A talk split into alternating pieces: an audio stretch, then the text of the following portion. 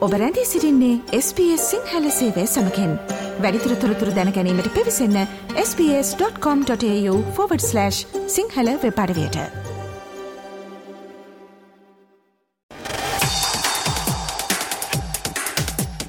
ජයපරාජය මැදින් ගලා යන සබ්දින කෙලිබිලේ උණුසුම.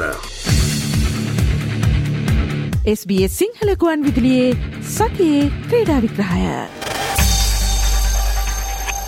අයිබෝවන් SBS සිංහල සේවේ සතියේ ක්‍රඩා විග්‍රහයෙන් අපි අද පළමුුවෙන්ම අවධානයොමු කරන්නේ ශ්‍ර ලංකා ක්‍රිකට් පරිපාලනය වෙතයි.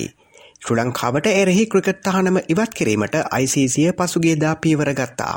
පසුගේ නොවම්බර් මාසේදී ශ්‍ර ලංකා ක්‍රිකට ආයතනයට එරෙහිව ICසිය විසින් මෙම තහනම පනවල ලද්දේ දේශපාලන බලපෑම් එල්ලවන බවට චෝදනා කරමින්. මේ හේතුවෙන් ශ්‍රී ලංකාවේදී පැවැත්වීමට නියමිතව තිබූ වයස දහනමෙන් පහළ ලෝක කුසලාන ක්‍රිකට් තරංගාවලියේ සත්කාරකත්වේද ශ්‍රී ලංකාවට අහිමි වුණා. මේ අතර ක්‍රඩාමාත්‍ය හරින් ප්‍රනාාන්දු මහතා පවසන්නේ එලබෙන ජූනි මාසේදී ICC වාර්ෂික සමුළුව ශ්‍රී ලංකාවේදී පැවැත්වීමට ආරාධනා කර ඇති බවයි. එ අනුව ක්‍රිකත් අහනම ඉවත් කිරීම පිළිබඳව ක්‍රඩාමාත්‍ය හරින් ප්‍රනාාන්දු මහතා දැක් වූයේ මෙවන් අදහසක්.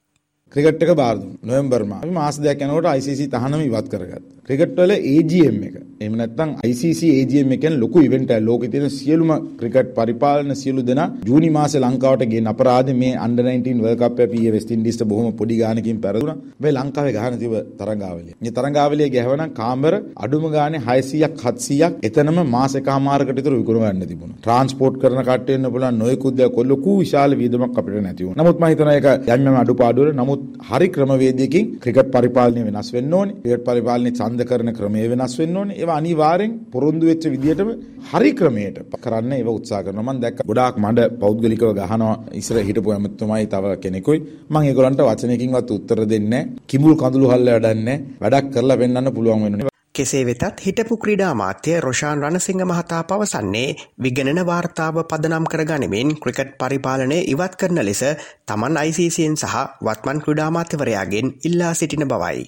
දැන් ක්‍රිකට් තහනම් කරේ කවුද? ICC කියන්නේ ICC අපි ප්‍රධාන අයිතිකරුවෙක් 12 දෙනායින් එක්කෙනෙක්. ක්‍රිකට් තහනම් කරේ විගණන වාර්තාවේ දූෂිත පාලකයෝ කියලා. එතකොට මම ඒකයි කිව්වේ පැහැදිලිව චිත්‍රපටිය ඩ්‍රාමා එක එතකොට මේ ඩ්‍රාමා එකට අනුව දැන් ඒගොල්ලොම දාගත්ත තහනම ඒගොල්ලොම කියලා අයින් කරගෙන තියෙනවා. මේකේ 아무තු කතාවක් නැහැ. හැබැයි මම ICCට කියනවා. මම ඇමතිවරයාට කියනවා. විගණන වාර්තාවට අනුව දූෂිතයන් විදියට නම් වෙච්ච ක්‍රිකට් පරිපාලනය ඉවත් කරන්න. මේ ඉන්න වත්මන් පාලනයට නීතියෙන් ක්‍රියාත්මක වෙන්න හොඳටම ඇති විගණන වාර්තාව. හැබැයි මේ විගණන වාර්තාවට අනුව අපි හිතමුකෝ අධිකරණයේ යම් දඩුවමක් දෙනවයි කියලා. දෙදස් දහටේ ඉඳම් විසිතුන දක්වා වෝහාරික විගණනය කරොත් ඒ දඩුවම මං හිතනවා පස්වතාවකින් වැඩි වෙනවා. මේ අතර ක්‍රඩාමාත්‍යවරයා පවසන්නේ ඉතා ඉක්මනින් නිවැරදි ක්‍රමවේදයක් යටතේ ක්‍රඩා පනත සංශෝධනයට පියවර ගන්නා බවයි. කො ජනාධිපතිතුමා පැහැදිලිව ක්‍රීඩා පනත ඇතුලේ ක්‍රීඩා ඇමතිවරයාගේ තියෙන බලතල ගලවනවා කියලා. හැබැයි ඒක හොඳයි. ක්‍රීඩා වෙන මොන ලෝකෙ කිසිම රටක් නැහැ ක්‍රීඩා ඇමති විසින් ටීම් අත්සන් කරන. මේ අපි වැරදියෙන් දාගන්න ඔටුන්නක් මේක. මා ඇමතිවරයෙක් අත්සන් කරන්න කියලා ආවේ LTT ප්‍රශ්න තියෙන කාලේ ලංකාව නියෝජනය කරනකොට ඒ ක්‍රීඩකයාගේ වගකීම බලන්න තමයි ඇමතිවරයා ඒක අත්සන් කරේ. මොකද ජාතික කොඩිය වෙනුවට එරටිටිය කොඩියක් ඉස්සුවා නම් ඔලිම්පික් එක හරි කොහේ හරි එතන ගැටලුවක් වෙන්න පුළුවන්. ඒ වගේ දේවල් නිසා තමයි ඇමතිවරයාට මේ බලතල ඒ කාලේ තිබුණේ. ක්‍රීඩා පනත ලංකාවේ තාමත් පරණයි. ඒක වෙනස් කරන්නත්. නමුත් ඒ ICC ගේ ප්‍රධාන දායක නිලධාරීතුමා ආපු වෙලාවේ යා කිව්වා ඒගොල්ලන්ගේ ටෙක්නිකල් සපෝට් එක දෙන්නම් ශ්‍රී ලංකා ක්‍රිකට්ටයට. ඒගොල්ලන්ගෙත් කොන්ස්ටිටියුෂන් එකක් මොකද්ද ඒගොල්ලන් බලාපොරොත්තු වෙන්නේ කියන එක හදන්න කතා කරලා මේක හොඳම දේ කරලා පාර්ලිමේන්තුවට ඉදිරිපත් කරලා පනතක් විදිහට පාස් කරන්න. නීතියක් තියෙනවනේ රටේ. මේ අතර එළමෙන පස්වනදා දඹුල්ල ජාත්‍යන්තර ක්‍රිකට් ක්‍රීඩාංගනයේ නව විදුලියාලුක පද්ධතිය විවෘත කිරීම සිදුවන බවත් ක්‍රඩාමාතිවරයා පවසනවා. මෙල්බන් ක්‍රිකට් ග්‍රවුන්් එක දාල් තියෙන විදිය ලංකාව තියෙන ලේටස්ම ලයිටින් සිස්ටම් එකක් තමයි ඒගොල්ලන් දාලා තියෙන්නේ. ඒක ඕපන් කරනවා. ඒ වගේ මේක අර හයිඩ්‍රේෂන් පූල් වල ඉන්ජරිස් වලට කියන හයිඩ්‍රේෂන් පූල් එකයි රිලැක්සේෂන් පූල් එකයි ඕපන් කරන්නේ. ඒ වගේම අපි එදාට මුල් ගලක් තියෙනවා. ඒකේ මුල් ගලක් කියන්නේ ඩිජිටලි තියෙන මුල් ගලක්. ස්ටේඩියම් එක පේන්ට් කරලා රීෆර්බිෂ් කරලා අරන් තියෙනවා. හැබැයි මීඩියා සෙන්ටර් එකක්. විශේෂම media centre international quality media centre එකකුයි stadium එකකුයි. මම දැක්ක ඒගොල්ලන්ගේ බජට් වලින් ඒකට පාස් වෙලා තියෙනවා බිලියනයක්. ඒ හා සමාන මුදලක්. ඒ වැඩේ ආරම්භ වෙනවා.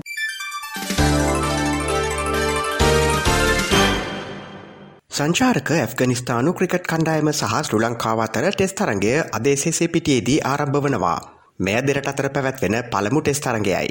එමෙන්ම මෙය නව ශ්‍රු ලංකා ටෙස් නායක ධනංජයද සිල්වා නායකත්වය ලබා දෙන පළමු ටෙස් තරගේ වීමත් විශේෂත්වයක්. උපුල් තරංගගේ සභාපතිත්වයෙන් යුතු නව තේරීම් කමිටුව නම් කළ පළමු ටෙස් සංචිතය මේ වන අතර ඒ සඳහා නවක ක්‍රඩකින් වන ලහිරු උදාර චාමික ගුණසේකර සහ මිලාන් රත්නායක ඇතුළත් වනවා.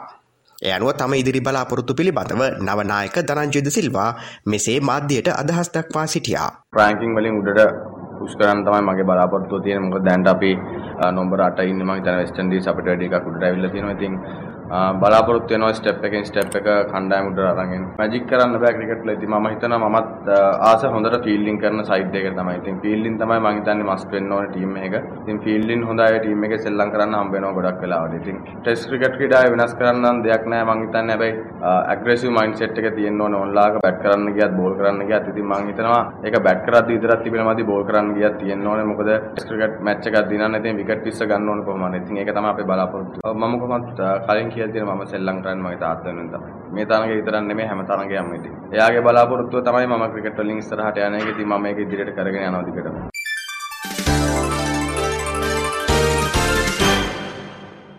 දහනමෙන් පහළ ලෝක කුසලාන ක්‍රිකට් තරංගාවලියේ සුප සික්ස් වටේ සඳහා සුදුසුකම් ලබා ගන්නට ශ්‍ර ලංකා යොවුන් පිළ සමත් වුණා.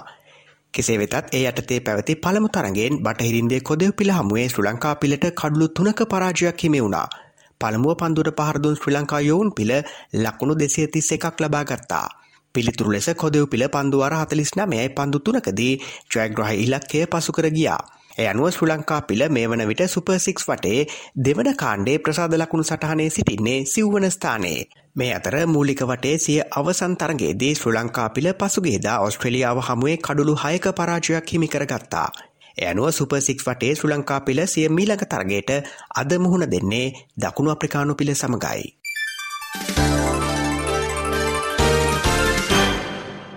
SBS සිංහල සේවේ සතියේ ක්‍රඩා විග්‍රහයෙන් අපි දැන් අවධානය යොමු කරන්නේ ඔස්ට්‍රලයානු ක්‍රඩා පිටිය විතයි. ඔස්ට්‍රලියාව සහ බටහිරින්දිය කොද පිලා අතර තරඟ තුනකින් සමන්විත එක්දින තරඟාවලිය අද ආරම්භ වනවා. පළමු තරගේ පැවැත්වෙන්නේ මෙල්බර්න්හිදී. මේ අතර දෙරට අතර තරඟ දෙකින් සමන්විත ටෙස් තරංගාවලිය පසුගේදා එකට එකක් ලෙස සමතත්වයෙන් අවසන් වුණා. බ්‍රිස්පෙන්හිදී පැවති දෙවන ටෙස් තරගෙන් කොදව පිළ ලකුණු අටක විශිෂ්ට ජයක්හිමි කරගන්නට සමත් වනා. එය කොදව පිලක් වසර විසි හතකට පසුව ඔස්ට්‍රලියාවේදී ලැබූ පළමු ටෙස් ජයයි. එය අනුව එදහස් නමසය අනු හත වසරේ සිට මෙම ටෙස් තරගේ දක්වා කොදෙව්වන් ඔස්ට්‍රලියාවේදී ටෙස් තරග දා හතකට ක්‍රඩා කර ඇති අතර ඉන්තරඟ පහලවක් පරාජයවී තිබෙනවා.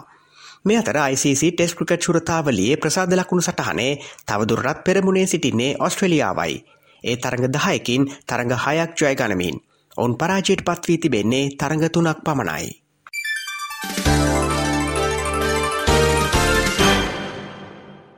දෙදහස් විසිහතර ඔස්ට්‍රේලයානු ක්‍රිකට් සම්මාන උලෙල පසුගියදා පැවැත්වනා. එහිදී පසුගේ වසරේ දක්ෂතම ක්‍රිකට් ක්‍රීඩකයාට පිරිනැමෙන ඇලන් බෝඩ පදක්කම හිමි කරගන්නට මිචෙල් මාර්ශ් සමත් වනා. මේ අතර දක්ෂතම ක්‍රිකට් ක්‍රීඩිකාවට පිරිනැමෙන බෙලින්ඩක් ලාක් පදක්කම හිමි වූයේ ඇෂ් ගාඩ්නටයි. වසරේ දක්ෂතම ටෙස් ක්‍රඩකයාට පිරිනැමෙන ෂෙන්වොන් කුසලානය හිමි කරගත්තේ නාදන් ලයන්. මේ අතර වසරේ හොඳම එක්දින ක්‍රඩකයා ලෙස තේරි පත් වනේත් මිචෙල් මාර්ෂ්.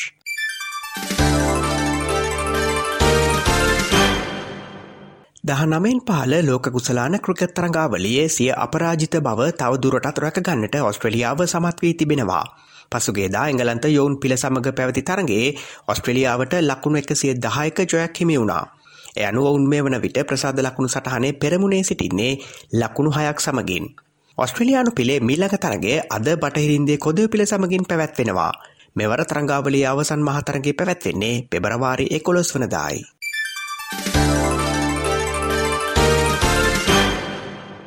සංචාරක දකුණු අප්‍රිකානු කාන්තා ක්‍රිකට් කණ්ඩායම සහ ඔස්ට්‍රලයානු කාන්තා ක්‍රිකට් කණ්ඩායම අතර පැවති තුන්වන T20 තරගෙන් කඩුළු පහක ජොයක් හිමි කරගන්නට ඔස්ට්‍රලියාව සමත් වනා පළමුුව පන්දුට පහරදුන් දකුණු අප්‍රිකානු පිළ කඩුළු හතකට ලකුණු එකසේ හැට දෙකක් ලබාගත් අතර ඔස්ට්‍රලයානු පිළ කඩුළු පහක් පමණක් දැවී එම ඉලක්කය පසුකර ගියා.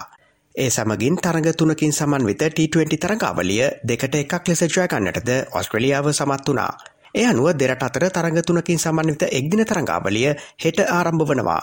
මෙම තරඟාවලට අයත් එකම ටෙස් තරගේ ආරම්භ වන්නේ පෙබරවාරි පහලොස් වනදායි.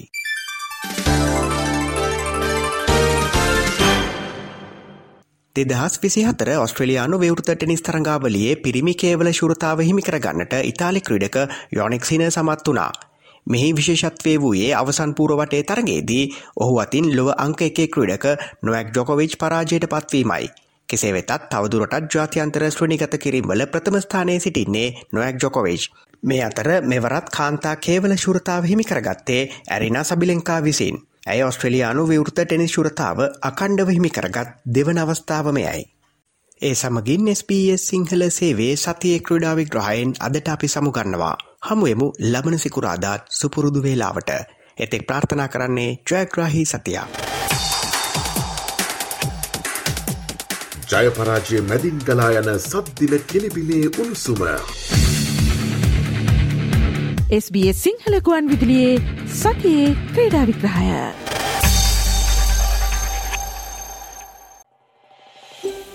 මේ වගේ තවත්තොරතුරු දැනගන්න කැමතිද. එහෙමනම් Apple podcast Google podcast Spotify ඔබගේ පොඩ්කාස්ට ලබාගන්න ඕනෑම මාතයකින් අපට සවන්දය හැකේ.